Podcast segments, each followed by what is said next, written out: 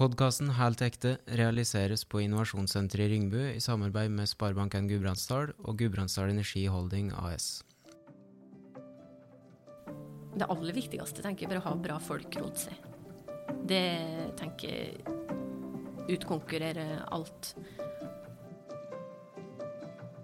Per Gynt sier tenkere, ønskere, villere med, men gjerrere. I podkasten Helt ekte får du historier og refleksjoner fra folk som har gjort det. Dette er Gudbrandsdøler som har våga å gå sine egne veier, fulgt sin lidenskap og vært framgangsrike på sine områder. Du hører på Helt ekte med Sivert Rønn Sætre og Martine Rui Teige. Andrea Rulland HV er en 29 år gammel skuespiller fra Kvam. Hun har en bachelor i skuespillerkunst fra Westerdals og lang og brei erfaring fra både teater og film. For å nevne noe, så har hun vært å se i den Emmy-vinnende serien Atlantic Crossing og i ulike roller i perynstemmen ved Golvatnet. I 2016 så vant Andrea prisen Vesper for sin innsats gjennom 17 år i Per Så hjertelig velkommen, Andrea. Tusen takk. Og helt ekte. Hvordan du har det om dagen? Jeg har det egentlig bra om dagen. Eh, Sjølsagt litt liksom alle nå, litt eh, trist med alt som skjer i verden, og la, ler meg prege veldig av det, som mange andre, tror jeg. Eh, men jeg personlig har det jo bra. Mm. Mm. Er det noe spesielt som engasjerer deg om dagen i det du jobber med, eller ellers?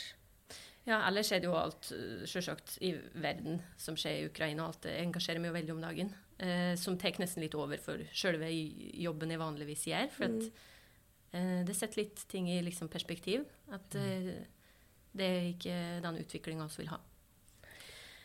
Er det noe som eh, gir energi? Eh, noe av det, det du jobber med om dagen? Er det et eller annet du syns er skikkelig artig? Spennende? Eh, jeg får jo veldig energi når jeg jobber i hop med folk, for jeg jobber jo en del alene òg. Eh, med noen ting jeg gjør. Eh, men nå har jeg annet vært og gjort noen prosjekter hos flere som skal jobbe fram forskjellige ting. Og det er det jeg får energi til å jobbe i hop med folk eh, mot et eller annet, om det er en produksjon eller utvikle konsept. Eller. Eh, det gir meg energi. Eh, venner av folk rundt meg. Naturen. Skulle gjerne vært en tur i Kvammet og fått litt, eh, litt eh, fra fjellet òg. For det føler jeg av og til må liksom lande litt, og, og syns det er godt å komme hjem igjen noen ganger. Så nå kjenner jeg at det er for lenge siden. Ja. Hva ser en eh, Altså, jeg vet jo at du jobber mye prosjektbasert, og det er veldig mye forskjellig som skjer. Eh, Hva ser en vanlig dag ut for deg, hvis du kan gi en beskrivelse på det? En vanlig dag, ja. Den er jo det er veldig forskjellig. Det fins ingen eh, dag som er lik, egentlig. Eh, men når en jobber slik som jeg, da, som eh, jobber frilans og for meg sjøl, så har jo jeg ingen sjef. Så da er det opp til meg eh, å starte dagen når jeg syns at den skal startes. Eh, som ofte er tidlig er jo av mennesker, så jeg liker å komme meg opp. Men blir da trøtt på kvelden, som kan være en utfordring når du da har en jobb der du ofte jobber på kvelden, med forestilling og slik. Eh, men jeg pleier å Det kommer litt an på hva jeg skal gjøre, men å komme seg opp ordentlig Ha rutiner som folk flest føler er liksom viktig i min jobb. Ellers så tror jeg jeg sklir liksom ut når du skal styre din egen uh, hverdag. Eh, så ja, nei, rutiner har vært uh, og er viktig. Uh, og så kan det nok eh, gå litt utover at det er vanskelig å ta seg fri og slik. ikke sant? At det er jo fryktelig artig å jobbe. Jeg elsker jo å jobbe. eh, og vil jobbe så mye som mulig. Mm. Er litt lei at du føler på at det er vanskelig å Altså når du er din egen sjef, og rett og slett ta fri, for du kan alltid jobbe med noe Ja, videre? det er støtt, ja. støtt raskt på mail. Jeg er støtt tilgjengelig, på en Mm. måte. Eh, men det, det koster meg ikke så mye all nå enda, i hvert fall, å være det. Så det er jo derfor jeg er så på. Men jeg har nok godt av og til Mm. eh, koblet av litt. Men eh, jeg tror mange som kjenner seg igjen i det at en, om en jobber eller studerer, så er det liksom litt altoppslukende Mm. noen ganger. Men er, har du støtt vært slik at du eh, blir veldig like, opptatt, engasjert? At du, har, liksom, du går veldig inn i alt? Ja, ja, ting jeg bryr meg veldig om, gjør jeg nok det. Eh, og ja, prosjekt som en har lyst til å kjenne at en vil virkelig levere i, så blir du jo Da jobber du jo ekstra, fordi du blir jo motivert til å gjøre det beste du kan. Eh, så absolutt. Og så er det noen ting som er litt mer liksom, ikke, som jeg selvsagt er engasjert i, men som er litt mer like, vanlige jobbting som jeg gjør, som eh, lydbøk, eh, dubbing, voice, altså voice og reklamer. Og de tinga trenger jo ikke så mye fokus mm. som mange andre ting. Så det er jo liksom rulle og går bare eh, i hverdagen som jeg har ved sida av, da. Eh, hvis eh, går litt at den i tid, eh, at barndommen din Husker du hva som gjorde at du ville begynne med skuespill? Mm, jeg husker et jeg var jo ganske ung, jeg var jo fem eller seks rundt eh, den alderen når jeg begynte å interessere meg for uh, teater. Og da var det vel Toril Sperre som kom inn i klasserommet en gang og fortalte om at det var noe som het barneteater. At det gikk an å melde seg på det. Ja, tenkte jeg. ikke sant? Det hørtes spennende ut. Og den gangen var jeg kanskje egentlig ikke typen til det. Jeg tror ikke så mange som tenkte at jeg ville være den første til å stå på ei scene ganske sjenert, tror jeg, som vi har opplevd som unge. Eh, men eh, mamma sa jo hvis du prøver det, så sjølsagt. Og da ble det bitt av basillen, altså ganske tidlig der. På, husker ikke hva hun satt oppi. Men det var litt forskjellig. Jeg husker kanskje når jeg spilte Maurits Maur. Eh, der jeg da fikk rollen som Maurits den mannlige Mauren, sitter på ospegrana si og leser fra et sånn eh, blad. Jeg synes Det er jo helt fantastisk. Jeg husker det veldig godt, de, eh, den starten. Da var du fem år? Ja, fem-seks. Var kanskje liksom sju-åtte da når jeg spilte Maurits. Men den følelsen som jeg fikk eh, da, mm. den har jo jeg fortsatt av og til. Um, og det er helt Det er en fantastisk følelse. Jeg tror den en på en måte jakter litt på. da, Det er en slags adrenalin. Uh, som kanskje folk kjenner på, på andre ting som de driver med. Ja. Du vokste opp i Kvam. Eh, kan du fortelle litt om, om barndommen og oppveksten i Kvam? Ja, det kan jeg. Oppveksten på Kvam, det skal du høre, det, var, det er en fantastisk oppvekst eh, jeg har hatt eh, på Kvam. Du er jo fra Kvam, Martine, mm. og kan sikkert skrive under på det. Den eh, friheten. Eh, ut, springe, bodde jo ganske langt oppe i skogen der. Gode naboer å leke med. Helt uh, trygt. Um, morosamt, men òg veldig rolig. Og jeg tror at for meg så hadde det vært en veldig bra oppvekst til å få en slags Til å bygge kreativitet. Fordi du er mye ute, og jeg var veldig glad i å leke med alene. Og bygde opp historier og store univers i hugget mitt og tegna og lekt ute med pinne. Og jeg tror du blir, kan bli ganske kreativ uh, hvis du uh, har en slik type oppvekst. Mm. Um, med liksom å ha muligheten til å ha den roa og måtte finne på ting litt sjøl, um, jeg tror det er sunt også på en måte som unge kjede seg litt. At det ikke trenger å skje ting hele tida. Uh, og det tror jeg jeg egentlig gjorde mye. da, Kjeda meg, men var da ute, og så blir du kreativ. Jeg tror det har vært viktig for meg. Mm. Og Kvam er en fantastisk plass. Jeg er veldig stolt av å komme fra Kvam. Og jeg eh, prøver å holde på dialekta så godt jeg kan. Mm. Eh, det er bra. Og, ja, men det er jo fort gjort. Det vaskes jo litt ut, for ja. jeg bor jo i Oslo. Eh, og på jobb må jeg av og til prate østnorsk. Men jeg, jeg er ordentlig stolt Kvammer. Det er en veldig fin plass. Mm. Mm. Hva type familie vokser du opp i? Mm, Hva type familie Jeg føler det var ganske like uh, Ja, fire. Jeg vet ikke hva jeg tenke på, men uh, Det var en ganske vanlig oppvekst, vil jeg si. Du har en eldre bror? Ja, det har jeg.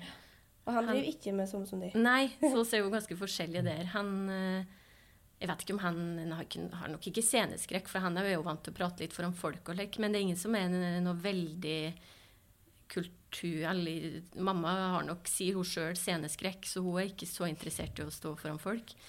Men pappa er nok litt mer showmann og litt revy og slik. Men utenom det så har ikke de eh, verken pusha meg til å gjøre noe slik, eller til å Det har jeg rett og slett oppdaga litt sjøl. Akkurat eh, den retningen jeg har valgt. Men jeg tror jo det ligger noen gener baki der, noe kreativ eh, et eller annet. Mm. Men det er kanskje litt tilfeldig hvordan havner litt innpå det en eh, bestemmelse for å satse på. Eh, hva drømte du om når du var liten? Det var å bli skuespiller. Det var ganske tidlig Ja, egentlig så lenge jeg kan huske. Eh, og eventuelt jeg tror jeg var inne på forfatter òg. Eh, og bestemor husker jeg sa en gang du, Nei, du skal vel bli sangerinne, du. Nei, jeg nei, jeg skal bli sangerute. Men det ble, eh, den sangerinnedrømmen den har ikke, eh, eller sangerute, har jeg ikke fulgt videre. Nei. Jeg er ikke noen kjempestor sanger, det er jeg ikke. Jeg pleier å si at jeg kan synge liksom rent, men det stopper liksom litt der. Men tenkte du det liksom fra start? Fra du begynte med at dette har du lyst til å drive med støtt? Ja, jeg tenkte egentlig det, altså. Jeg ser jo det i alle like, gamle skoledagbøker. eh, Og jeg vet ikke om unge driver med det i dag, men det er jo helt fantastisk. Jeg håper de skriver det ned, for det er jo artig å rote fram igjen. Og der er det liksom det er skuespiller som eh, som jeg støtt kan huske at jeg ville bli. Mm. Eh, og så har du jo bodd flere steder etter kort. Du har bodd både på Kvam og på Lillehammer. Også Jessheim Mm. og Oslo. Eh, og så reiser du jo mye rundt i arbeid. Men når jeg sier hjemme, hva du tenker på da? Da tenker jeg Kvam. men jeg bor ikke der. Nei. Men eh, det vil støtt være hjemme for meg, tror jeg. Ja. Eh, det er noe med liksom Der jeg føler med eh, Jeg vet ikke. Det er noe med røttene sine, tror jeg. Mm. Men jeg har støtt, eh, og det tror jeg veldig mange kjenner på, det der å føle seg litt dri mellom eh, bygd og by, altså hjemme, og at en liksom har gått på studier og kanskje bosatt seg i en annen by. Og en liker bylivet og alt som det alt muligheter og alt som skjer, men en har òg veldig sterk tilknytning til hjemme. Mm. Og det er en like dragkamp som jeg tror jeg kommer til å ha med meg resten av livet. Mm. Um, at en vil liksom ha det beste av begge Mm. verdener, da. Og så drev du litt Du gjorde noe annet enn teater. Du drev litt med håndball. Og ja, slik eh, i, når jeg var yngre, ja. Det er sant, jeg har prøvd det meste, ja. Du har prøvd det meste. Ja, ja, jeg tror det. Ridning, eh, håndball, eh, fotball, skitrening og Ja. Jeg var glad i å liksom være aktiv òg. Ja. Mm. Og så som unge i dalen, eh, i, kanskje spesielt da, og litt òg nå, da, er det kanskje vanligst å f.eks. drive med langrenn og fotball. da. Mm. Håndball. Eh, følte du noen gang på at du, du var litt utafor som drev med noe annet enn det de fleste andre drev med? Jeg tror at i starten, eh, når jeg drev med barneteater der, så var det en veldig naturlig del. Det var ganske mange med, og det var, hadde en veldig sterk plass, på en måte. Så da følte jeg vel mer at eh, ja, noen drev med det, og, og så var jeg òg med på håndball, og du vet, du prøver litt forskjellige ting. Men kanskje når en begynner på liksom ungdomsskolen, så merka jeg at det begynte å falle fra flere og flere, og at det, det var ikke så mange att som kanskje var så bestemt som jeg var, som absolutt skulle gå den veien. Det var vel en del like, ungdomsmusikal like, på ungdomsskolen, men um, men jeg, det var da jeg begynte å føle at jeg var litt like, alene i mine Mm. eh, drømmer, og eh, at jeg mm, til slutt da bestemte meg for å begynne på Lillehammer, da, på videregående, på kulturlinja, da, på teater. Eh, og det var veldig bra, Mm. tror jeg, for meg. Men tror du at dette kan være litt årsaken til at noen velger å ikke fortsette med f.eks. teater på en liten plass? Ja, det Det er jo vanskelig å si, men jeg tror i hvert fall det er veldig viktig at det finnes tilbud òg innenfor eh, musikk og kultur. Man ser jo nå at mange plasser har vært trua av nedleggelser og slike ting, om det er dans eller musikk eller hva det er. Um, jeg tror det er kjempeviktig å ha liksom bra tilbud eh, som kan dra inn nok folk og være ettertrakta eh, lokalt for at folk skal tørre å, å gå inn i det, og ikke minst få et nettverk. Ikke føle seg alene i, Mm. i det. Mm. For det er mange muligheter innenfor kunst og kultur, og det er ikke slik at ehm, at du må liksom jobbe profesjonelt innenfor en for å gå på en slik eh, eh, skole eller teatergruppe eller hva som helst. Det er jo, jeg tror alle mennesker har godt av å bevege seg litt innenfor kultur og øve seg på å stå foran folk. Det er så mye positivt med det som ikke trenger å bety at du må satse, med det, eller satse profesjonelt. Mm. Så jeg tror det er kjempeviktig. Jeg heier veldig på at lokalsamfunnet har eh, tilbud. Både til yngre, men òg litt når du blir eldre. Mm. Hvor tidlig ble du ambisiøs? Begynte du å liksom tenke ambisjoner innen det med skuespill? Eh, skal vi se Altså, det, det har vært en like, veldig sterk drøm siden jeg var bitte liten, på en måte. Men så kommer du jo til et punkt når du begynner å bli eldre, der det snuser, sant? som hos alle når du skal begynne å stake ut en slags retning og kurs. Så jeg tror at eh, liksom ungdomsskolen, eh, og kanskje òg litt før, eh, var en veldig lekk Jeg har følt meg veldig bestemt veldig lenge. Men det var nok Jeg syns kanskje den mest krevende perioden av slekset, er liksom ungdomsskole, òg videregående, der du liksom egentlig føler at du sikkert burde tatt et mer fornuftig valg. Ikke sant? Eller altså du begynner å tenke her, Går det her? Er det, er det helt Er jeg helt ute? Og du har heller ikke liksom vært så mye ute i um, Altså, du kjenner jo din krets og lek, så du har heller ikke fått liksom testa Tenk om jeg er liksom kjempedårlig når jeg reiser en annen plass. At det er bare her jeg føler at det er ikke så mange som driver med det. og her er liksom, blir liksom Sånne tanker kommer, at du blir redd for om, om det er kjempedumt gjort. Så jeg føler det var ganske tidlig at jeg liksom virkelig hadde lyst til å satse. Og så tror jeg at når jeg kom eh, eh, Begynte på Gålå, Per Gynt eh, ved Gålåvatnet, så var det nok der det bare vokste enda mer den derre Dette må jeg. For der møter en det, det profesjonelle apparatet, som jeg mener er kjempeviktig at en kan gjøre lokalt. Mm. Og se hvordan folk jobber, hvordan han legger produksjon foran, bak scenen. Alle folk som skal til for å løfte en like, produksjon. Og ikke minst møte regissører og profesjonelle skuespillere og se hva jobben faktisk går ut på. Mm. En ting er jo liksom Ja, det ser kult ut å stå i liksom rampelyset, men hva er det de faktisk gjør, og hva er jobben rundt? Um, jeg er jo like glad i alt som er forarbeid og slikt som det å faktisk stå der. Det er liksom hele prosessen med å innstudere en rolle og hele tekstarbeid og alt rundt. Eh, like mye som det å faktisk gå på scenen og Ja, det er liksom herlige greier som Mm. jeg syns er helt Ja, veldig morsom. Hvor bevisst har du vært rundt det med nysgjerrighet overfor å liksom ta ut sitt eget potensial? Er det mer at du bare har tenkt at ok, det er skuespill du vil drive med, eller er det litt slik Tenker du mye rundt at det er veldig viktig for deg å makse det talentet du har innen det? Um, ja, jeg har jo selvsagt støtt uh, vært med på mye, enten om det er kurs eller workshops, og sant, at du prøver å utvide og prøve forskjellige teaterteknikker, prøve forskjellige måter å jobbe på. Uh, som jeg føler jeg fikk gjort mye når jeg hadde gått på skole, som du nevnte, på Westerdals. Um, der han ble introdusert for både en del utenlandske regissører og andre måter å se teaterfeltet på, eh, og møtte mye andre folk. Eh, og har fortsatt å ta kurs og workshops og slike ting, så det er klart at en vil jo òg fortsette å utvikle seg. En blir jo aldri ferdig utlært Mm. uh, i noe som helst. Så um, ja. Det er absolutt uh, vært viktig for meg. ja. Du nevnte i stad at du startet på Lillehammer på videregående. Der gikk du studiespesialiserende med, var det med kultur? teater? Ja. Så gikk det an å velge teater, musikk eller dans. ja. Ja. Og da ble det teater? Da ble det Ja. teater. Det ble det, gitt. Ja.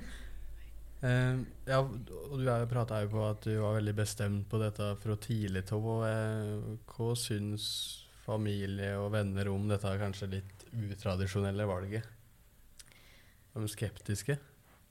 Jeg tror ikke det kom så brått på. Siden jeg var så liten når jeg bestemte meg for det, på en måte. Um, og det er veldig, og det tror jeg har vært kjempeviktig for at jeg har tort å satse. At jeg har hatt liksom enorm støtte fra både mamma og pappa og alle. eh, Og venner og nettverk rundt. Jeg er jo slik fra både lokalt, bygd, og jeg føler at det har vært liksom eh, eh, støtte for at en kan gjøre gå for drømmene sine. Men sjølsagt så tror jeg det har vært viktig at de eh, ikke har sagt til meg Kanskje du skal tenke på noe mer fornuftig. Er du sikker? Går det her bra? At de ikke trenger å plante alle de kritiske tankene, men heller stole på at dette finner ut av sjøl. Eh, for de kritiske tankene, de tror jeg at en har mer enn nok på egen hånd. Eh, uten at alle rundt trenger å stille de spørsmåla, sjøl om det ofte da er beste mening, eh, vil jeg tro. For det er jo en krevende vei å gå eh, når det ikke er noe garantert noe jobb eller noen ting. Men eh, jeg tror ikke det kom noe overraskende på noe, nei. For de har kjørt x antall timer opp både til Gålå og eh, orker ikke tenke på hvor mye de har. Så det er jeg jo selvsagt veldig glad for. Ellers så tror jeg ikke jeg kunne ha gjort det. Nei. Så Nei, jeg føler jeg har hatt god støtte rundt meg. Kunne du fortalt litt eh, om veien videre etter videregående? Mm. Da gikk jeg jo da på videregående, ja. Eh, på Lillehammer. Som eh, Ja, det var tre fantastiske år. Eh, men til slutt, på det siste året, så var det vel bare meg igjen i klassa. Det, var, det begynte å falle fra en del, så jeg var vel kanskje den eneste som tok Eller var et tu, men tok eksamen eh, i dramafag der. da. Så det var ikke mange å, samspille med. Så det ble monologaktig, da. Men Eh, Men så reiste jeg, eller søkte meg da inn på Romerike folkehøgskole. Eh, som spesialiserer seg da innenfor teater. Det er jo da musikkteater og eh, kostyme og andre linjer. Eh, så det blir nesten som et, et teater, da, for du har mange forskjellige avdelinger som da jobber for at en skal sette opp forestillinger. Og, og det var et helt fantastisk år. Det tror jeg er noe til å lureste jeg har gjort. Det var virkelig, virkelig bra.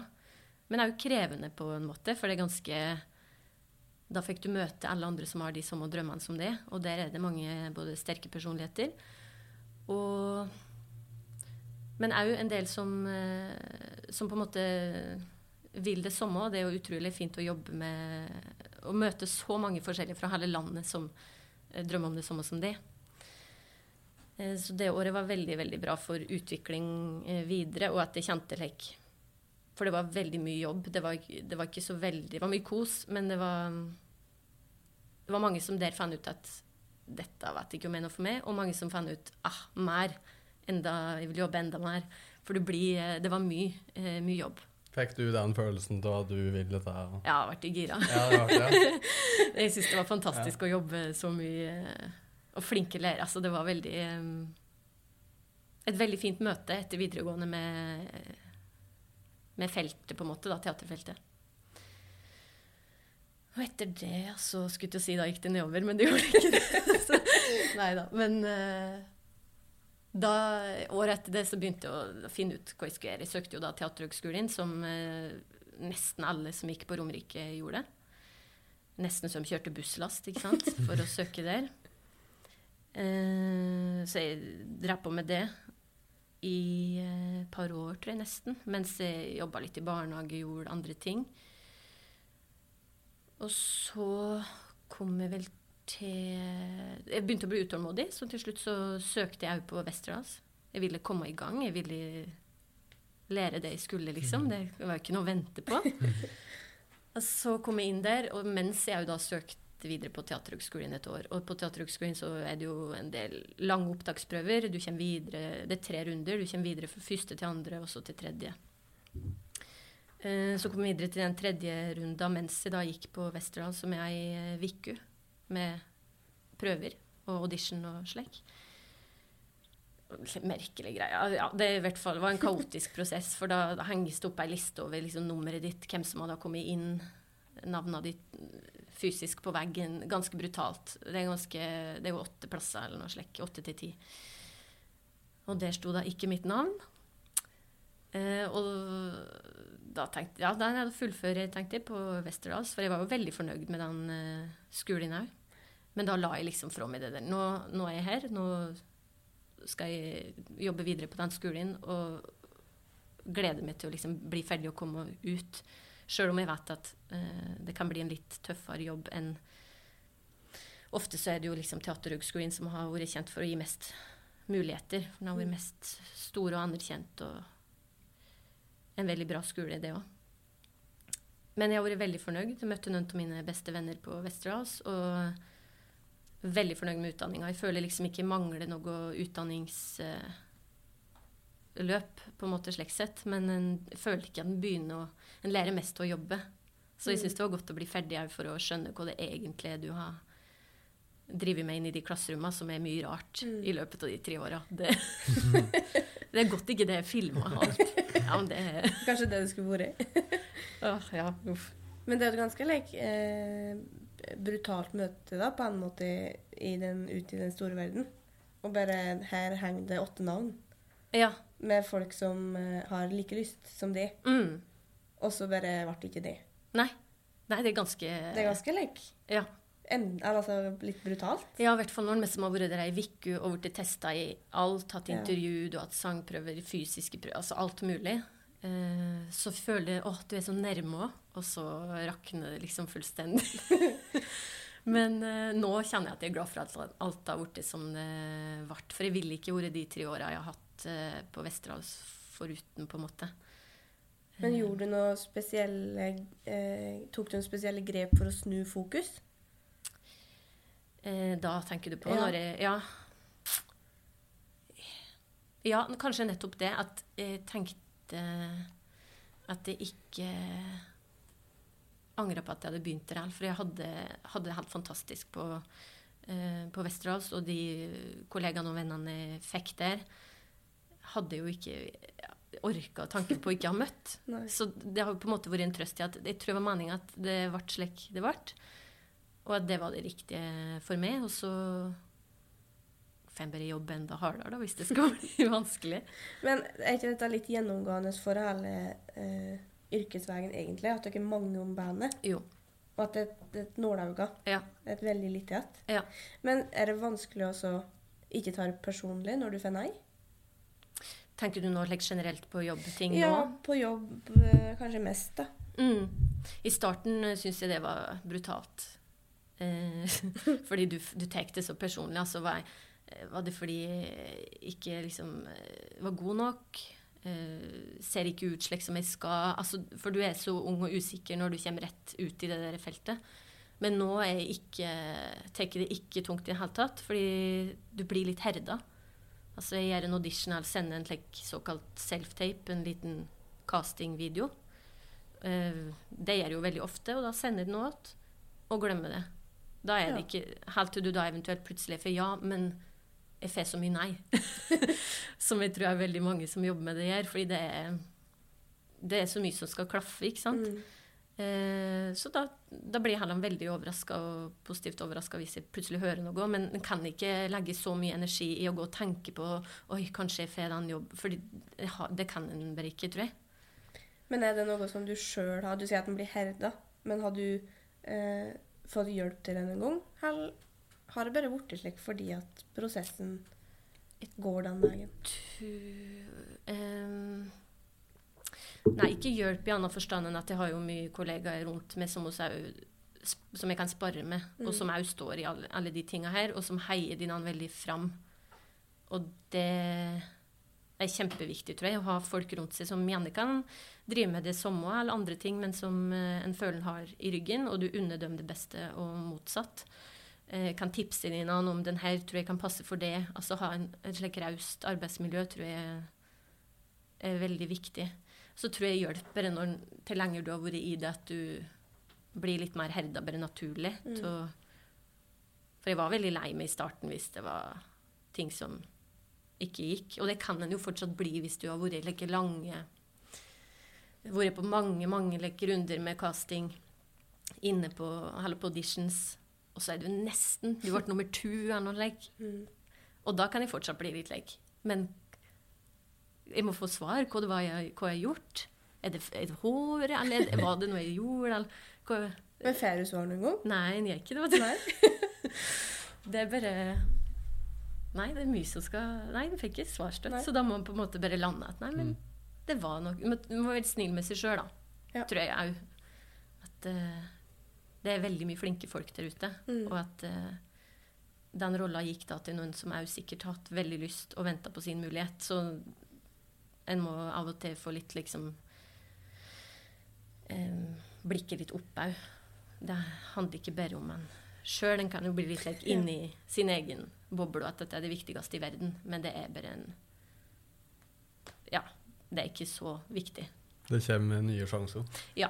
Ja. Og litt liksom Ingen skal dø av at altså det er ikke, Jo, men av og til må jeg bare liksom eh, Ja. En kan ikke bli så inn i sin egen lille boble at en blir helt sjølopptatt av For det jeg driver med, er jo først og fremst det er jo for folk og underholdning, og det Jeg mener at det er viktig for folk, men eh, en kan ikke bli helt tullete. uh, og kaste inn kameraet. Eh, Du har jo helt åpenbart eh, funnet din lidenskap. Eh, noe du gjorde veldig tidlig, ut ifra eh, det du har fortalt. Eh, en skal jo jobbe mye i løpet av livet, og de fleste er jo enige om at eh, det å finne noe å- noe man brenner for, det er jo liksom avgjørende. da. Eller veldig viktig. Likevel så er det jo Alt har sin pris, er jo det å følge drømmene sine. Eh, kan kostnader det vært for deg? Har du kjent litt på det? Hmm. Et stort spørsmål, egentlig. Ehm. ja, nå måtte jeg tenke hardt, for jeg vet ikke om jeg syns det har hatt noen store kostnader, annet enn at, at de kostnadene var jeg eventuelt da forberedt på når jeg liksom begynte å tenke så seriøst på å gå inn i det. Um, det er jo å leve med ganske stor usikkerhet, og være villig til det. Og det ser en jo f.eks. nå med pandemien. Et møte med egentlig hele kulturlivet som er vant til å jobbe ganske, under ganske uforutsigbare forhold, men som nå har vært helt liksom, utenkelig uforutsigbare. At folk ikke skal få se de andre og møtes. Mm, så selvsagt den usikkerheten med liksom Kommer det noe jobb? eh, Økonomisk usik usikkerheten og alt slik er jo en usikkerhet, men som jeg visste var i det. Um, men utenom det så føler jeg ikke Det er kanskje det, at er å leve med usikkerhet om folk eh, vil jobbe med det, og eh, om du får jobb, på en måte. Og det er kanskje det. Jeg kjenner ikke på så mye annet som jeg føler har vært eh, vanskelig med det. Det er liksom Det er å bare akseptere at det er slik det er, og jeg vet ikke hva jeg skal neste år. Men jeg vet det fram til. Jeg kan ha perioder der jeg ikke vet hva jeg gjør neste måned heller. Stutt tid er komfortabelt da, på en måte? Er det, når er smertegrensa? Smertegrensa blir jo da litt eh, Jeg vet ikke. Jeg synes det har blitt litt Nå er jo Ettersom jeg har jobba litt, så føler jeg liksom balla litt på seg at nå har det vært mye mer å gjort, og slik, så nå har jeg lina opp mye lenger fram. Så nå merker jeg at det er ukomfortabelt hvis den kommer liksom på en At jeg ikke har noe neste måned. Men hvis jeg da vet at jeg har fullt prosjekt etter det, så går det jo bra. Men, eh, men jeg var ikke veldig høy i hatten i januar, for da var det blankt lerret, altså. Ja. Men eh, ja. Og så ruller det og går, for det dukker liksom opp, og det er jo noe med Når jeg har gjort det noen år, fem-seks år siden jeg var ferdig på skolen, og, og da vet jeg at det bare kommer. Og da gidder jeg ikke å stresse så mye over det, men, eh, men en kjenner jo på det. At Håper det kommer rullende noe, og det gjør det jo ofte. Og hvis ikke, så tar en jo en jobb. Og det har jeg ikke noe stolthet på. At det selvsagt eh, da, da må en jo bare jobbe med noe annet. Søke på en eller annen jobb. Mm. Men det har ikke kommet dit eh, enda, i hvert fall. Det er bra. Eh, Du prater jo litt på det der med usikkerheten rundt det. Eh, har du vært noen gang redd for å ikke få det til? Eh, rett og slett ja, ikke få jobb, da, i dette tilfellet? Ja. Eh, det har jeg nok.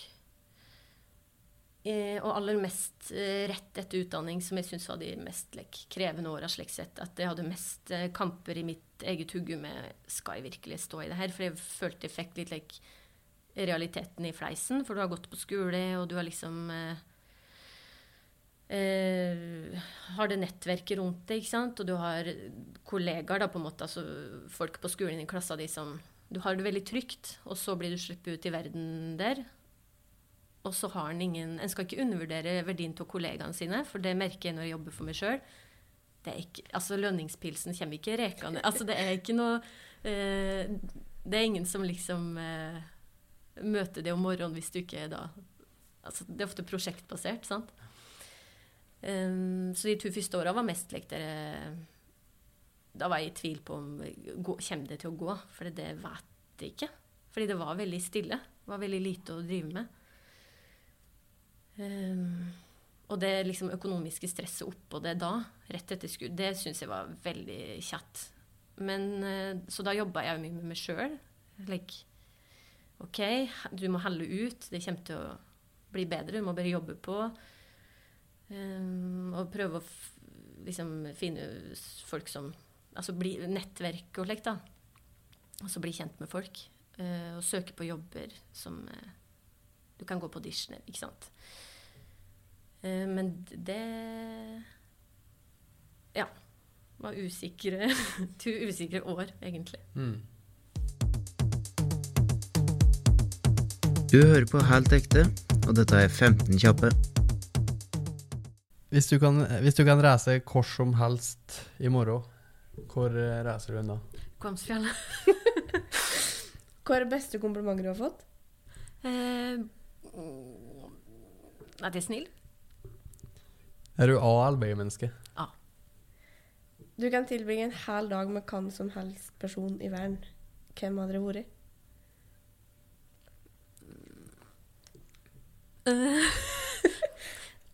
Samboeren min, tror jeg. Det er bra. Det er et godt utgangspunkt. Eh, nevn tre ting du ikke kan leve av uten. Oi. um, ja Det her skulle være kjappe. Ehm, tre ting. Ehm. Ting-ting, liksom? Her. Alt Samme. mulig rart. Ja, nei, det er jo fort venner, familie og mm, Skuespill? Ja, skal si det, da. Si det. Så dårlig på lenge. Favorittfilm? Oi. Eh, jeg har ingen, egentlig. Dårlig svar. Jeg er ikke så, det en hemmelighet, men jeg er ikke så glad i å se på film. Vet du det? Eh, Favorittsted i Gudbrandsdalen? Kvam. Dårligste egenskap? Eh, Bekymra. Hva hadde du valgt mellom en høgl... Ikke valgt, kanskje? For du har ikke noe valg. Jeg har ikke noe valg. Eh, Ville du hatt en høglytt nabo eller en nysgjerrig nabo? Eh, nysgjerrig. Hoppe i fallskjerm eller gå Birken på ski? Fallskjerm. Spise ute eller spise hjemme? Hime. Vin eller øl? Vin. Alltid 20 minutter for tidlig ute eller 10 minutter for sen? Den som jeg skriver opp med, det er støtt kronisk tidlig ute. Vaske gulv eller skifte dekk? Vaske gulv. New York eller Rondane? Hvis jeg må velge Jeg blir for Rondane, det.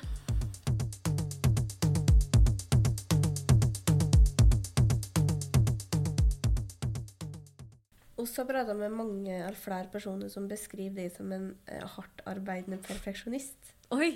Perfeksjonist er du. Ja, at det, det er ikke så mange som går så djupt inn i materia, altså setter seg så inn til ting som det du gjør. Ehm, og så er vel de fleste enige om at for å bli god til noe, så kreves det mye arbeid over tid. Hva tenker du om, om de tinga der? Er det, Først og fremst kjenner du deg igjen i det? Ja, i hvert fall i at eh, ja, som du sier, krever hardt arbeid over tid. Mm. Og det tror jeg er kjempe Det er nok akkurat det jeg har følt på over tid. Den der tålmodigheten Mm.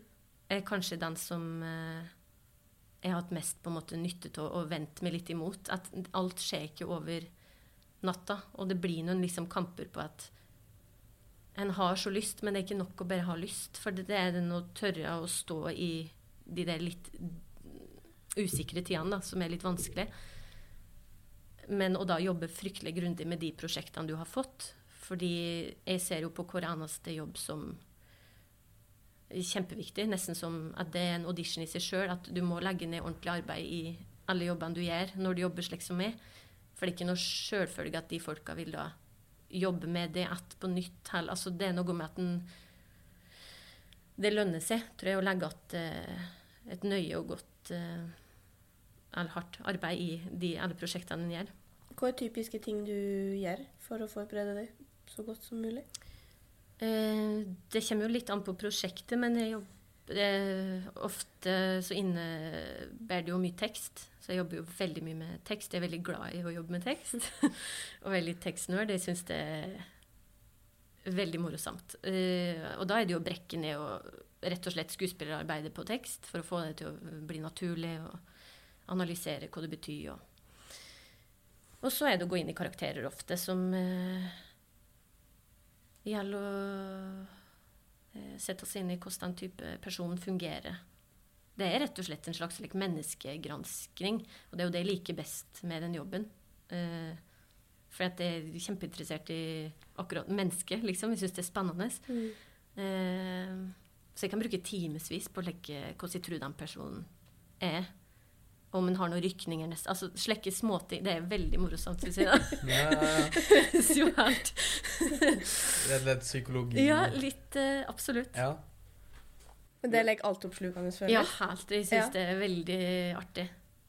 Uh, og så kommer det mye rundt en forberedelse til ting en skal gjøre. Det kan være fysikk. ikke sant? Skal du spille en rolle som er fysisk krevende uh, så må man jo jobbe med det.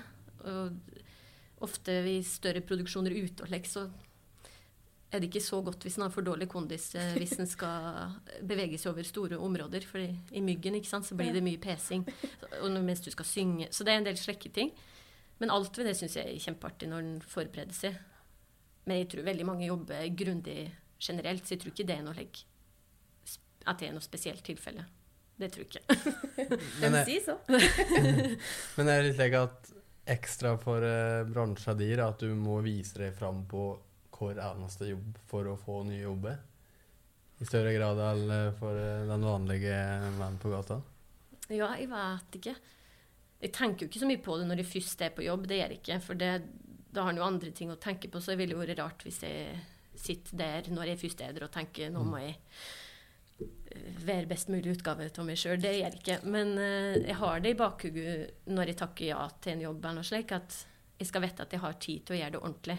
Uh, for det går jo mye på tid òg. Har du for mange ting samtidig, så uh, blir det ikke nok tid. men jeg tror det absolutt er viktig når du jobber slik som med at, du, at folk syns det er greit å jobbe med det. Men det gjør noe. Er det ikke det, gjelder ikke det vanlige mann i gata òg? Ja, jeg regner nesten med det. det. Folk vil jo ikke være Alle vil jo at det skal være koselig å jobbe med. Så det tror jeg alle kan kjenne seg igjen i, nesten. Ja.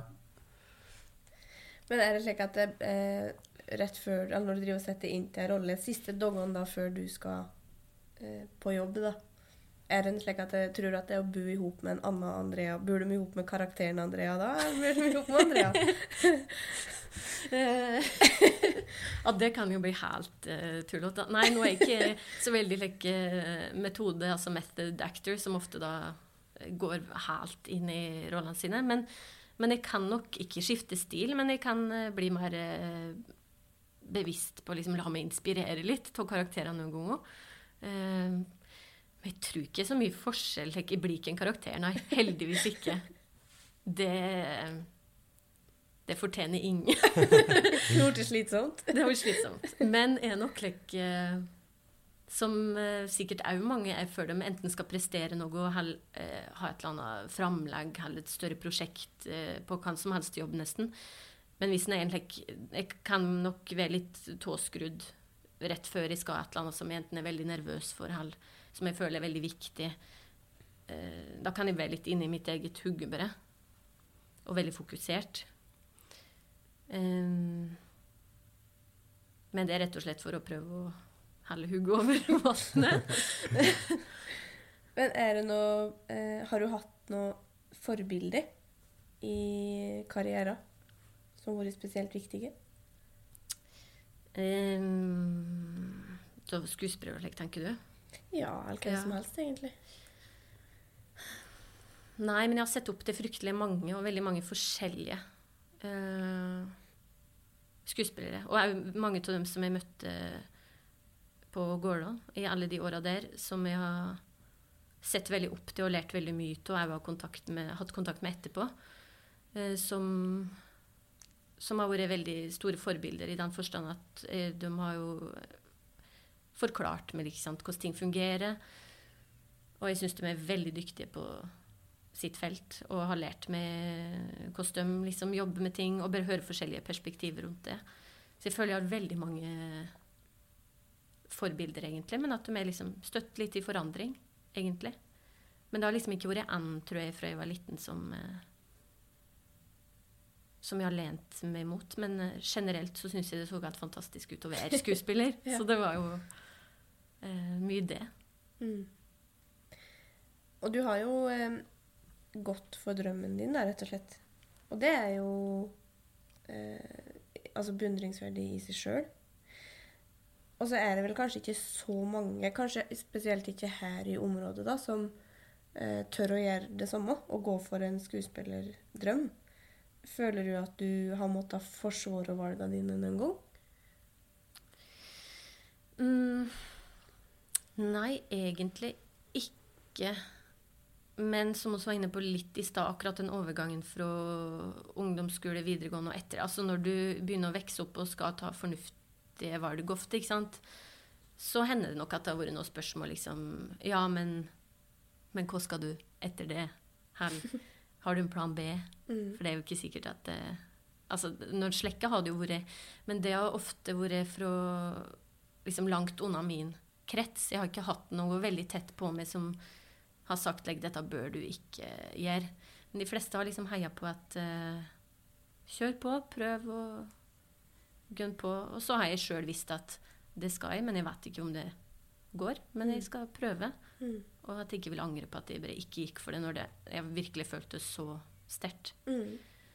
Og jeg valgte da å ikke gå for noe, ha noe plan B, nettopp for å liksom Jeg går all in på det, og så, og så ser oss. Det kan hende ikke det går, men da, da får vi ta det når det kommer. Mm. Men jeg heier jo veldig på at alle skal virkelig Det som brenner i dem, skal virkelig tørre å prøve seg på. Mm. Og så er det ofte noe innafor det felten kan jobbe med. Om det ikke blir akkurat det, så kan det forandre seg på veien.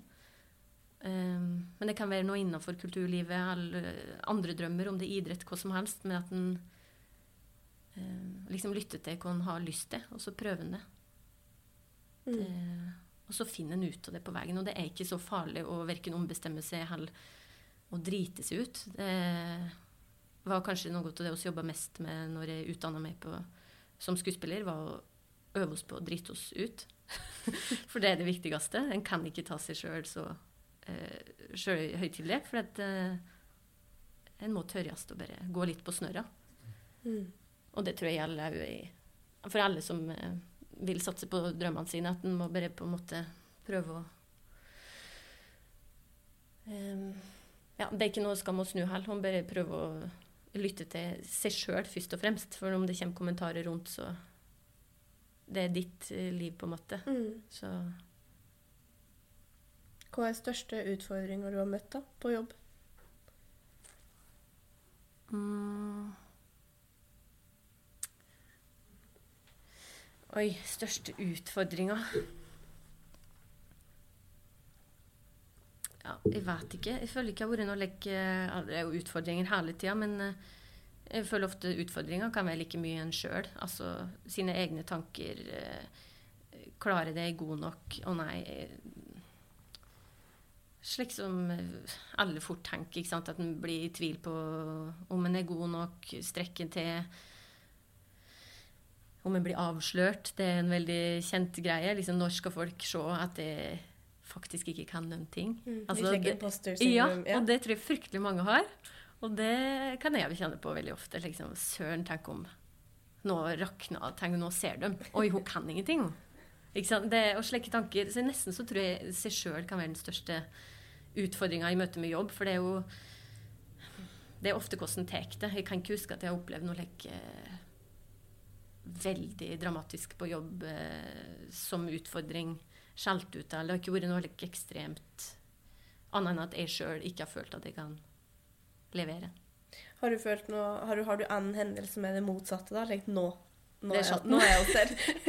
Og jeg skulle ønske jeg kunne si det at jeg hadde det hele tida. Men det er veldig sjelden jeg går til scenen og, sier, og tenker like, ah, nå er jeg fornøyd. Fy søren, nå, nå satt den. Det er ikke så veldig ofte. Det er ikke det? Nei, nesten. Det er støtt et annet som kan bli bedre. Eh, Ref det du sa med perfeksjonist. Eh, det er støtt et eller annet Ja, det gikk rett, men jeg snubla litt i den ene replikk. Altså, det er et eller annet støtt, da. Ja. Men jeg kan gå til å ha en like, følelse av at samspillet bare har ah, der var det, Den scenen var kjempefin, eller var det noe? Um, så det svinger. Svinger voldsomt. Nå har vi prata en del om eh, karriere og skuespill. Eh, hva gjør du for å koble av, Andrea? Jeg sover mye. Høres ut som verdens kjedeligste menneske. Nei, jeg kobler, på, kobler det på forskjellige måter. Jeg koser meg hjemme. Jeg liker å være hjemme. Det er litt Og- artig at du sier, for akkurat det sa mora pratet. Ja. Og venninna di. Nei, sa begge det?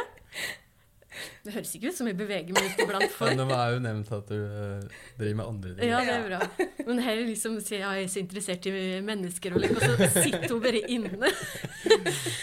Nei, men jeg liker veldig godt å være Det er noe med at jeg koser meg med å stenge liksom, alt litt ute noe. Um, og kose meg hjemme. Pusle rundt. Uh, og det kan være hjemme i leiligheten i Oslo. Eller igjen i Kvam. På fjellet slapper jeg veldig av. Elsker å være inne på hytta på Kvamsfjellet. Slappe tå, koble tå når jeg er med familie. Eh, og venner som gjerne driver med andre ting. Jeg er veldig glad for og opptatt av at jeg har venner som er utafor den der teaterbobla som jeg jobber i. Jeg tror det er kjempesunt å ha folk som er påkobla verden på en annen måte òg. Mm. Med andre typer jobber og liv. Og så sover jeg som sagt veldig mye. Jeg, ja. Det er nesten en uvane, men jeg tar med veldig mye mange blunder på eftan.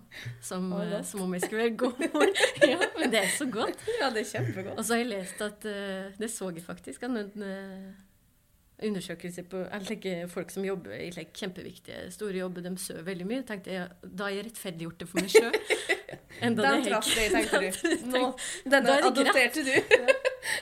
Nei, men jeg syns det er godt. Mm. Venninna di nevnte jo at du er, eh, var veldig fan av Rondane og 2000 Ja. meters Stoppe. Det, det er egentlig beste ferien jeg kan ha, er når vi drar til ei uke eh, i Rondane om sommeren. Det, det er det beste. Jeg elsker å, å samle 2000 meter topper. Jeg har ikke nok, det er altfor få. Jeg vet ikke hvor mange jeg har.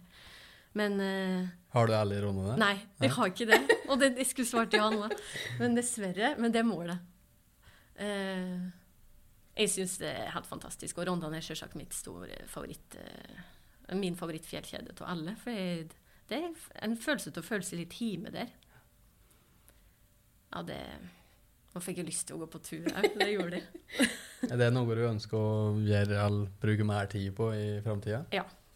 Og jeg har lyst til å eh, prioritere litt mer og ta seg noen slike turer. Eh, Hvilke tanker har du om framtida? Mm, jeg håper at jeg kan fortsette liksom som nå. At jeg får lov til å jobbe med ting som jeg, jeg liker å jobbe med, og med folk som jeg liker å jobbe med. Med spennende prosjekter. Um, og at jeg klarer å liksom beholde en ro i det livet jeg har vært. At, eh, at jeg fortsatt om noen år skal være glad for Altså være, like det jeg driver på med. For hvis det ikke er morosamt lenger, så må jeg jo finne på noe annet.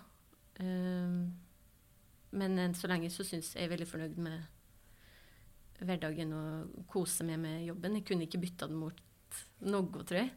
For det har jeg hatt noen runder på gjennom oppveksten. Liksom, ja, men hvis det er noe annet, hva, hva skal jeg bli da? Men det har liksom aldri vært ikke i nærheten av noe jeg kan kunne tenkt meg. Eh, så derfor så tror jeg liksom, det er derfor jeg liksom har staka så voldsomt ut den det måtte bli det. Så jeg håper at jeg får fortsette å jobbe med det jeg gjør, og at eh, det er fred, fred i verden, skulle jeg si, der oppe her. Du prater jo på at du har blitt herda med åra, og at du liksom Det er ikke enden på verden om du ikke har en jobb eh, neste måned, liksom. Har ambisjonene dine endra seg fra du kanskje gikk på Westerdal? Mm. Hva sa de endra seg? Um, ja, har de endra seg? Ja, på en måte så tror jeg de har det fordi Hell Jeg hadde jo fryktelig store ambisjoner da, som jeg tror alle som eh, er i den derre Du er så svulte på å prøve alt, og du vil rett ut, og du er nærmest like, sjølvende eh, klar for ting. Nå har jeg nok en litt annen bare ro. Eh, jeg har nok store ambisjoner, men de føles nok ikke så at det er verdens undergang om ikke skal få den rolla som det hadde vært før. på en måte. Så slik sett har jo ambisjonene endra seg litt med at uh, jeg har lyst, Ambisjonen er liksom å få fortsette med artige og kule prosjekt. Um, men jeg har òg skjønt at på en måte, når du har oppnådd det, så vil du ha mer. Og så vil du ha mer, og så vil du ha neste. Du blir aldri helt fornøyd. Du vil støtte videre. Mens jeg på skolen kunne tenke liksom, ja, men bare jeg får det, da skal jeg liksom være fornøyd og lande. Men slik er det jo ikke. Um, Tror du det er en forutsetning for å drive med det du gjør? at At du ikke um, tenker at det er nok noen gang, på en måte? Ja, kanskje Eller Det hadde kanskje vært sunt og komfortabelt å være litt mer høy. Ja, nei, men nå er jeg Nå er jeg for kan oss egentlig. Nå er jeg fornøyd, liksom. Klappe meg på skuldra og Bra jobba. Men, eh, men det er jo en lyst til å, å jobbe mer og drive på med mer. Utvikle seg. Så det jeg tror jeg er derfor at en har så motivasjon på, på neste utfordring. og eh, rett og slett utfordre seg litt sjøl, for at det ikke skal bli kjedelig. Strekke seg litt lenger. Jeg også har skjønt like, at uh, filmproduksjon det er noe som henger veldig høyt for deg. Er det noe du uh, har mål om i framtida, eller drømmer om? Uh, ja, jeg elsker egentlig komboen til å, å jobbe med teater og scene og film og TV og eh, forskjellige tekstprosjekt og utvikling og litt forskjellige ting. Eh, men jeg fikk absolutt smaken på film og TV, ja, så det skal jeg nok eh, eh, ja, prøve meg på mer. Eh, har du noen drømmerolle? Åh, det har jeg faktisk fått eh, noen ganger før, og det er veldig vanskelig å svare på. Eh, har i noen drømmerolle? Eh, jeg elsker jo alle roller som er liksom eh, komplekse, altså sammensatte, som er vanskelig å forstå seg på, og gjerne noe mørkt, og gjerne eh, grusomme folk. det er eller altså noe mørkt. Jeg syns det er morsomt å spille skurk, rett og slett. Eh, Jeg har spilt heksen noen ganger og syns det passer meg ut. det er typecast, som vi pleier å si. Nei, men drømmeroller kan være så mangt. Det kommer liksom an på prosjektet. Men eh, ja, som jeg har nevnt før, så syns jo Lars Mytting sin roman bør filmatiseres. Og det er jo absolutt en drømmerolle med, eh, i der. Astrid Er ikke det hva? Hekne. Jo, Astrid Hekne. Men jeg begynner å dra på åra, så det må skje nå. ja, men det, det er veldig Den eh, er virkelig Den syns jeg skulle vært filmatisert. Mm, enig. Hva, hva tenker du blir suksess for de åra som uh, kommer? Suksess. Mm. Hva som blir suksess? jeg vet ikke. Uh. Du sier at du er litt like du ikke blir helt mett. Ja. Men eh, tror du at det er noe som på en måte Har du noen slike mm, checkpoints i åra som kommer, som du tenker at du skal En slags plan, liksom? Ja, på en måte. Nei, egentlig ikke. Um, planen er vel å fortsette litt slik som nå, men um, Men at jeg håper på en måte at uh, at det blir flere ulike prosjekt. fordi når en har jobba litt, så er det jo ofte at det er de sommerprosjektene liksom på nytt, som er jo veldig morosamt, men at det òg får nye ja, utfordringer da, som eh, Som jeg kunne tenke meg framover. Det kunne jeg. Mm. Men jeg har, jeg har aldri laget noen plan og like femårs, tiårs Det har jeg aldri gjort. Mest fordi jeg tenker det er så skummelt, og så skal jeg stå der på den eh, dagen når det har gått fem år, og så Søren, det gikk ikke. Ja, nei, så jeg har bare skåna meg for det. Men uh, jeg krysser fingrene for at uh, det blir noe spennende å drive med òg framover. Det gjør jeg. Så når jeg spør hvor du er om ti år, så eh, Oi. vet du ikke? Nei, jeg vet ikke. Nei. Time will show. Mm. Kanskje jeg driver med noe helt annet. jeg håper ikke det, da. Nei. Men eh, Ja, jeg håper som sagt at jeg kan fortsette å jobbe med mange forskjellige prosjekt innenfor flere sjangre. Og òg med eh, arbeidslivet på andre forskjellige måter, som jeg syns er veldig artig å være innom. eh, om det å utvikle formidlingsprosjekt, som jeg òg driver litt med. Og skrive manus og slike ting. Som jeg syns er veldig morsom avveksling fra det jeg òg driver med. Så slike ting har jeg òg lyst til å fortsette med. Per Gynt og Per Gynt-stevnet har jo vært veldig viktig for karrieren din. Um, jeg vet ikke, det er vel få som har vært med i flere år enn det. Hvor mange er det da? Jeg husker ikke. Jeg regna ut 17 år. Ja, det kan nok stemme. Så da tenker jeg at eh, få kjenner òg bedre til liksom stykket Per Ynt. Kunne du bare kort eh, fortalt litt like, overordna om symbolikken i Per Gynt, og om det er Og om det er et eller annet du er liksom driver i av eh, Hva skal jeg si? Lærdom fra Fra Per Gynt? Ja. Oh, ja, det eh, Per Gynt er jo et av mine favorittverker. Jeg syns det er helt fantastisk. Og det som jeg syns har vært spennende, er at når jeg begynte der som veldig liten eh, Og da var jo min bror Anders med noen av de første åra oppe på Gålå. Eh, og når mamma og pappa da kjørte oss opp og ned, eh, så satt hun og kunne hele manus i bilen. ikke sant? Replikkene til alle og tok dem att og fram. Uten å skjønne egentlig innholdet i det. Men ettersom jeg liksom har vært oppå der og som året har gått, fra liksom unge til ungdom og videre liksom eh, på grensa til voksenlivet, så har jo òg på en måte verket forandra seg i meg. Eller jeg har skjønt mer og mer, har lest andre ting da, etter så mer og mer jeg, jeg har jobba med det. Så jeg vet ikke det Og det er så mye en kan dra ut av peget til det innerste indre alt, bare lag. Bare mindre og mindre. Ja. eh, jeg syns det Nei, jeg vet ikke. Det, det, en det bør nesten være en egen podkast for Per Gynt-prat. Men eh, jeg har absolutt drevet med mye fra, fra eh, Per Gynt. Mest, men det er egentlig mest bare at den ikke blir det, blir det er en sånn utømmelig kilde. Du kan bare grove og grove og, i, i det. Og så har vi jo jobba med linken eh, med Helena Vik, med prosjektet med link med Munch og Ibsen og Per Gynt. Og da har han plutselig funnet helt nye ting i det. Altså, nei, veldig spennende. Så jeg svarer ikke så bra på det nå, for du ville gjerne at jeg skulle dra igjennom en analyse, men det får ta seg nå. Men, men hva står det til det der sitatet at eh, om blodet elder så Om tynt? blodet er aldri så tynt, en kjenner seg støtt i slekt med en Per Gynt. Hva tenker du er det viktigste i livet? Du stiller så store spørsmål. Viktigste i livet er jo eh, litt eh, flåsete sagt eh, kjærligheten da, til andre og til det du driver på med.